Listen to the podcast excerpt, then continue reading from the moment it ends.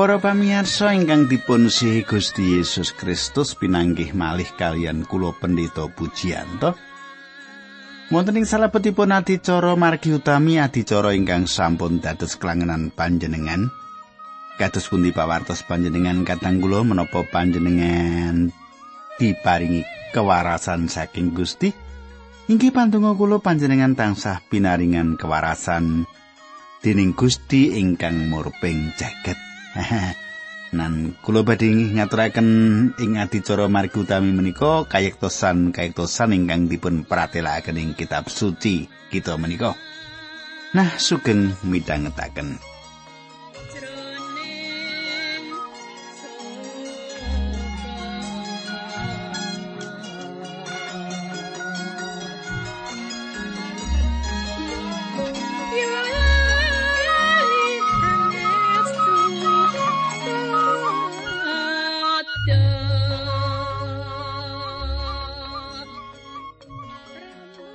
Tentunipun panjenengan tasih kemutan menapa ingkang kula aturaken duk pepanggihan kita kepengker toh? Nggih, kula ringkes kemawon. Ing kepengker kita sampun nyemak bilih sedaya manungsa mbetahaken menapa ingkang dipun sebat kabeneran utawi kayektosan.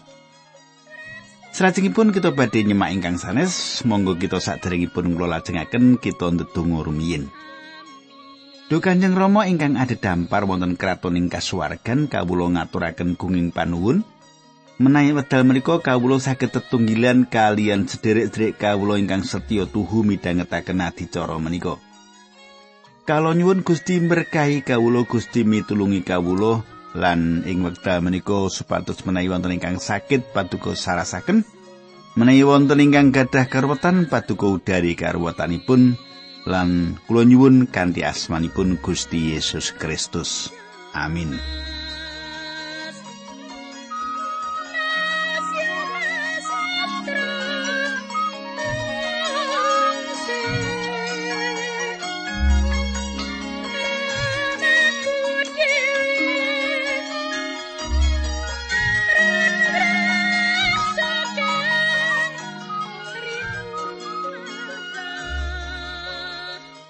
Pamirsa samenika pasinon kita sampun mlebet ing serat Rom bab 3 lan kita lajengaken samenika dumugi ayat 24. Kula badhe maosaken pangandikan menika lan padha kabenerake kanthi lelahanan awit saka sih rahmate lumantar panebuse Sang Kristus Yesus. Kadang kula tembung lelahanan ing basa Yunani pun duarian ingkang dipun jarawakaken ing salebetipun Kang sawala saya selangkung nggih menika tanpa jalaran. Gusti Yesus Kristus ngendika pilih tiang-tiang sengit dumateng panjenenganipun kanthi lelahanan tanpa jalaran. Jalarane apa? Tanpa jalaran, tanpa sebab. Nggih. Mboten wonten landesan kenging menapa kok nindakaken samenika Paulus meratelaken kabenerake kanthi lelahanan tanpa jalaran. Gusti Allah mboten ngendika oh kaya ngopo anggone ngiram-ngiramake manungsa kuwi aku bakal nindakake apa-apa kanggo manungsa iki. Kados ingkang sampun kita pirsani sesarengan, mboten wonten ingkang adamel kita saged andhatengaken kamirahanipun Gusti Allah kajawi kabetan kita ingkang ageng atas kamirahan menika. Kita dipun beneraken tanpa sebab, kita dipun beneraken dening kamirahaning panjenenganipun ingkang liripun kita mboten wonten lelabuhan menapa-menapa. Ora duwe lelabuhan apa-apa, kamirahan inggih menika kamirahan tanpa lelabuhan. Menika murni awit saking katresnan. Salajengipun kadang kula lumantar panebuse Sang Kristus Yesus. Panebusan tansah dipun gayutaken kalian sih kamirahanipun Gusti Allah. Ingkang dados jalaran Gusti Allah saged milu jengaken panjenengan lan kula inggih menika awit Sang Kristus ingkang nebus kita. Panjenenganipun sampun bayar lunas laras reginipun. Panjenenganipun sedo ing Kanjeng Salib nyawisaken kawilujengan kangge kita. dipun beneraken awit iman sayektosipun langkung saking namung ngirangi dosa-dosa kita. Deripun bilih dosa kita menika dipun paringi pangaksami. Menika satunggalipun tambahan saking kabeneran Sang Kristus. Kali tembung sanes kita mboten winates dipulihaken ing kalenggahanipun Adam ingkang rumiyin. Nanging samenika kita dipun papanaken ing salebetipun Sang Kristus ing pundi kita badhe dados para putranipun Allah sadangunipun mangsa ingkang boten winates. Kadang kula John Bunyan meh kemawon katempuh ing raos bingung awit piyambakipun ngrumaosi bilih piyambakipun menika gadah dosa ageng tanpa gadah kayektosan ing salebetipun badanipun. Ing satunggalipun wekdal piyambakipun sanjang. Nalika Gusti Allah nuduhake menawa aku iki John Bunyan dikaya Gusti Allah mirsani John Bunyan aku ora maneh ngakoni yen aku iki wong kang dosa nanging aku ngakoni yen aku nindakake dosa saka pucuk rambut nganti tekan driji iki. Aku iki kebak dosa lan bunyan budidaya ngadepi perkara kegayutan kados pundi piyambakipun saged sowan ing ngarsanipun Gusti Allah sinaosa dosa-dosanipun sampun dipun apunten. Kados pundi piyambakipun saged jumeneng ing ngarsanipun Gusti Allah. Ing wekdal piyambakipun mlampah-mlampah ing pategilan jagung ing satunggalipun dalu ing wekdal piyambakipun kabulet dening perkawis menika, tembung-tembungipun Paulus tuwuh ing pikiranipun lan memotaning batinipun menika kaangkat saking pundhaipun. Tembung-tembungipun Paulus menika saged dipun panggihaken ing Filipi 3 ayat 9 lan dumunung ana ing panjenengan iku ora mergo saka kabeneranku dhewe kang jalaran saka nglakoni angger-anggering Torat ananging marga saka pracaya marang Sang Kristus yaiku kabeneran peparingi Gusti Allah ada dasar pracaya. Wonten gambaran tiang ingkang ngumbara ingkang beto momotan awrat ing pundhakipun mlampah nglangkungi rawa kasaestunan. Tiang menika mboten mangertos kedah nindakaken menapa ingkang pungkasanipun tiang menika saged sowan ing salib. Lan ing mriku momotan menika kaangkat tan piyambakipun pitados dumateng Sang Kristus minangka juru wilujengipun. Salajengipun awet saka sih ramate. Inggih menika cara ingkang dipun ginakaken milujengaken kita. Inggih menika sumber ingkang saking cara menika mili toya panguripan Allah ing salebetipun jaman Sih Rahmat menika. Kali makaten awit menapa ingkang sampun dipun tindakaken ngintun putranipun supados pecah. Gusti Allah kuasa milujengaken awit sih kamirahanipun. Lan Paulus sing salebetipun Efesus kali ayat sekawan lan gangsal Makaten, nanging Gusti Allah kang sugih kawelasan awit saka gedhening katresnan kang kaluberake marang kita, wis nguripake kita bareng karo Sang Kristus senadan to kita wis padha mati awit saka kaluputan-kaluputan kita marga sih rahmat kuwe padha kapitulungan rahayu. Lan Dr. Neville gadah pemanggih kegayutan sih kamirahan menika, kamirahan Allah inggih menika katresnan ingkang boten kantenan ingkang makarya boten winates pangurbanan Sang Kristus lan kabebasan boten winates boten dipun palangi dening pambengan-pambengan sawetawis hukum Zaman samenika Gusti Allah ingkang suci kanthi lelahanan ngranggih dhateng ngandhap kangge nyekapi kabetahan panjenengan. Kados pundi endahipun mangertos bilih Gusti Allah ingkang suci kanthi lelahanan milu jengaken manungsa ingkang purun pitados dumateng Sang Kristus. Dr. Neville sepindah malih sanjang samu kawis ingkang gegayutan kalian kawilujengan Allah dipun soaken kanthi remen mboten winates jembaripun lan sipatipun mboten ewah gingsir lan menika kacawisaken lan namung wonten ing salebetipun Sang Kristus Yesus. Namung panjenenganipun kemawon ingkang saged mbayar reginipun. Kados ingkang dipun pratelakaken dening Petrus atas bangsa Israel, kalian malih mboten wonten karahyan wonten ing sinten kemawon kajawi wonten ing panjenenganipun amargi ing sakurping langit menika mboten wonten asma sanesipun ingkang kaparingaken dumateng manungsa ingkang dados margining karahayun. Para rasul sekawan ayat kali welas. Sampeniko kita lajengaken Rom 3 ayat selangkung ngantos 16. Panjenengane wis dipesthekake dening Gusti Allah dadi srananing karukunan awit saka pracaya marang rai. Bab iki katindakake kagem ngatingalake keadilani sebab panjenengane wis ngendelake dosa-dosa kang wis kepungkur ing wektu kesabarane Gusti Allah. Karasane yaiku kagem ngetingalake keadilani ing jaman saiki supaya tetelo menawa panjenengan iku bener lan uga benerake wong kang pracaya marang Gusti Yesus. Kadang kula panjenengan gatosaken tembung awit pracaya marang rai. Rah meratelaken bab nyawa panjenenganipun. Ora ana pangapura menawa tanpa utaing getih. Menika saged dipun semak Ibrani 9 ayat 21. Lan nyawa Gusti Yesus Kristus dipun pasrahaken. Rah inggih menika barang ingkang saestu aji manut Simon Petrus. Kali ayat menika kapenuan tembung-tembung ingkang angel dipun pocapaken margining bedamen, keadilan lan pangapunten. Kadang kula wis dipesthakake dening Gusti Allah.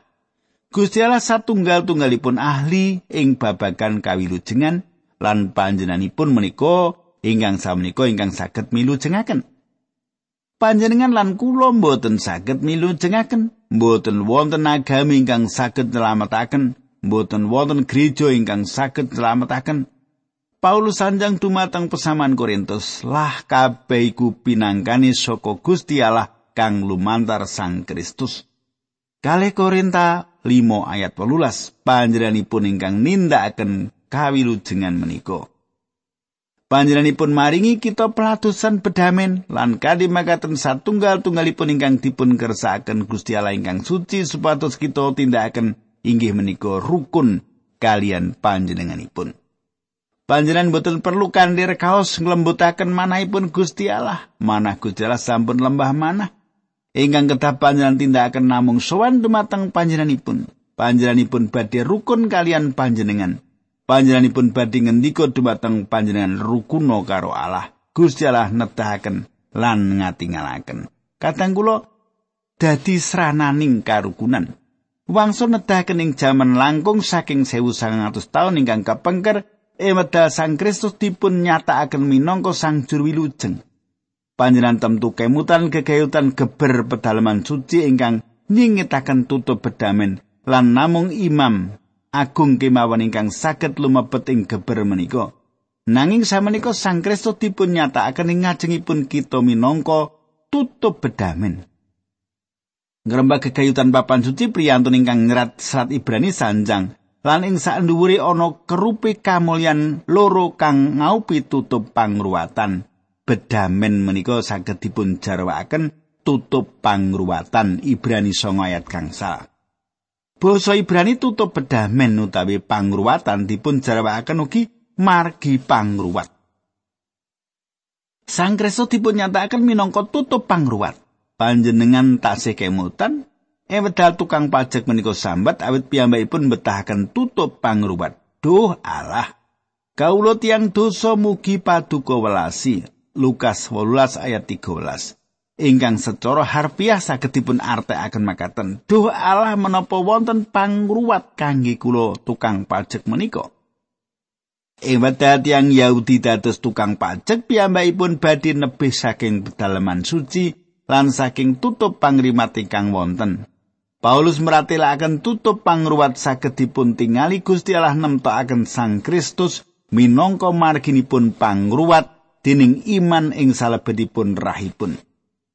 Ngremenaken sanget mangertos menawi kita gadah Gusti Allah suci ingkang kanthi sukurna pamarem lan kabingan saged maringi tutup pangruwat dumateng jagat ing jaman-jaman iku.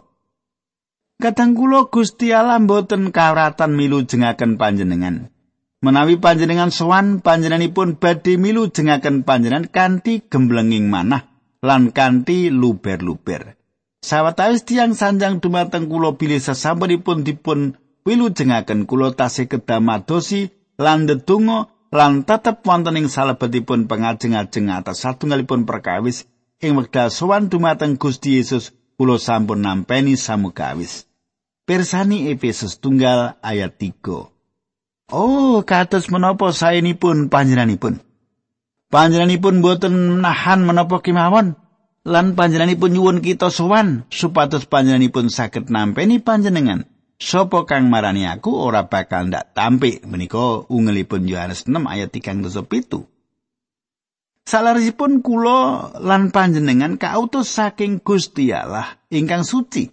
Nanging margi menika samenika sampun tinar buka kangge kita dening rah panjenenganipun. Kadang kula bab iki katindakake kagem ngetingalake keadilane sebab panjenengane wis ngendelake dosa-dosa kang wis kapungkur ing wektu kesabarane Gusti Allah. Kadang kula menika mboten ateges dosa-dosa panjenengan lan kula ingkang sampun wonten rumiyin Liripun inggih menika dosa-dosanipun ingkang gesang ing ngarsanipun salib.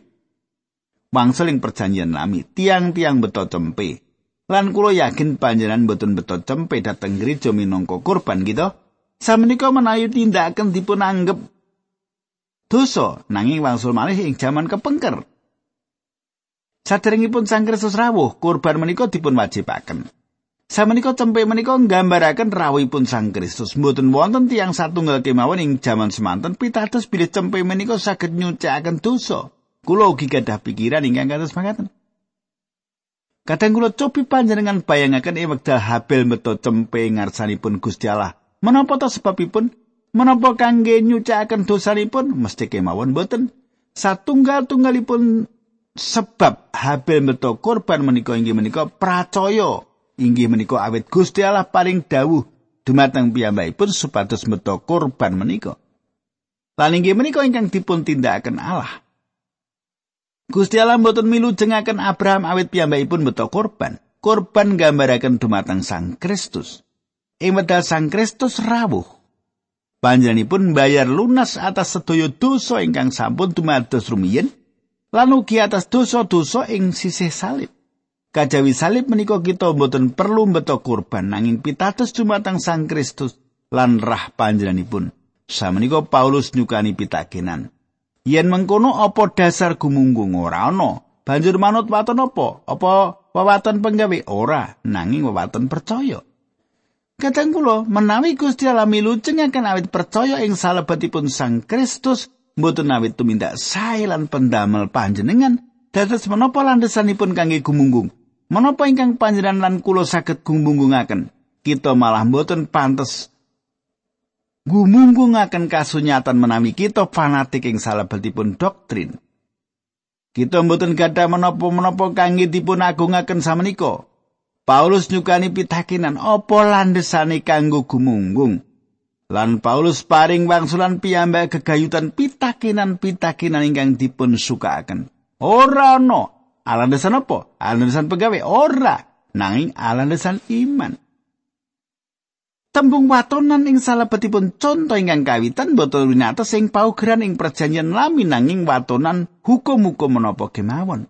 Samukawis ingkang manut panjenengan saged panjenengan tindakaken. Sumbering kaping kalih inggih menika wonten ing paugeran utawi hukum ngicali paugeran perjanjian lami lan namung nganggep pinangka aturan utawi watonan iman. Kadi tembung sanes Gusti Allah kagungan umat manungsa sanes atas aturan kesainan nanging atas landesan pitados jumateng menapa ingkang panjenenganipun tindakaken kangge kita. Awis saking menika landesan menika ngicali raos bombong. Samnika rum 3 ayat 12. Marga kita yakin yen manungsa iku anggone kabenerake awit saka pracaya ora mergo saka anggone netepi angger-anggering Torat. Katang kula Paulus sing mriki mboten ngringkes utawi nyimpulaken menapa ingkang dipun sanjangaken. Piyambakipun namung nyukani keterangan kenging menapa raos bombong menika dipun icali. Kenging menapa raos bombong menika dipun icali. Manungsa dipun beneraken krana iman. Ayat 29. Karo maneh Gusti Allah iku apa mung dadi Gusti Allah wong Yahudi wae?